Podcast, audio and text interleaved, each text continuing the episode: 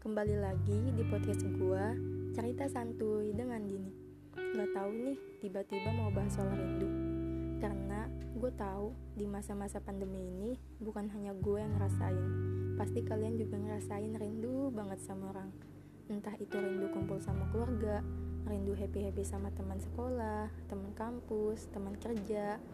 Rindu ke sana kemari tanpa harus merasa khawatir atau curiga satu sama lain Asli, gue pengen banget keadaan kembali normal. Tapi itu semua jangan dijadiin beban ya guys. Karena gue yakin di balik semua kejadian itu pasti ada hikmah yang bisa kita ambil. Oh iya, ngomong-ngomong soal rindu, gue jadi rindu seseorang deh. Tapi, ah sudahlah, gak usah dibahas.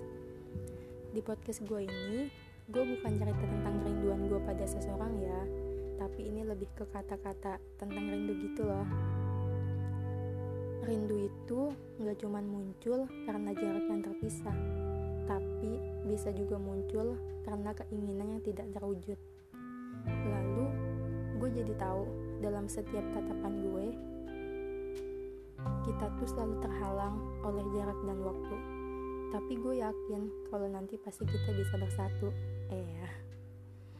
Gue kadang suka mikir, kenapa ya baru merasa kehilangannya tuh sekarang gitu apalagi pas semenjak lulus sekolah.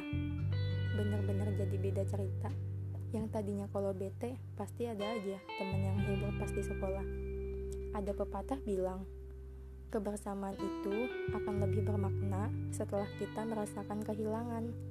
Dan kehilangan akan lebih bermakna ketika kita saling merindukan.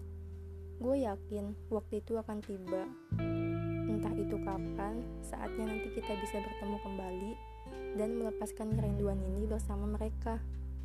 Pada akhirnya, setelah hati ini tak bisa menampung segala kerinduan, hanya mendoakanmu yang bisa kulakukan hingga detik ini.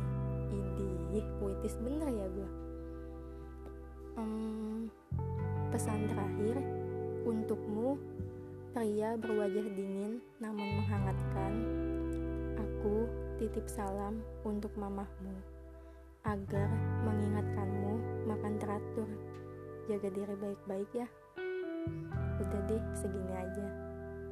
Mohon maaf untuk segala kekurangannya. Wassalamualaikum warahmatullahi wabarakatuh. Jangan lupa bahagia ya.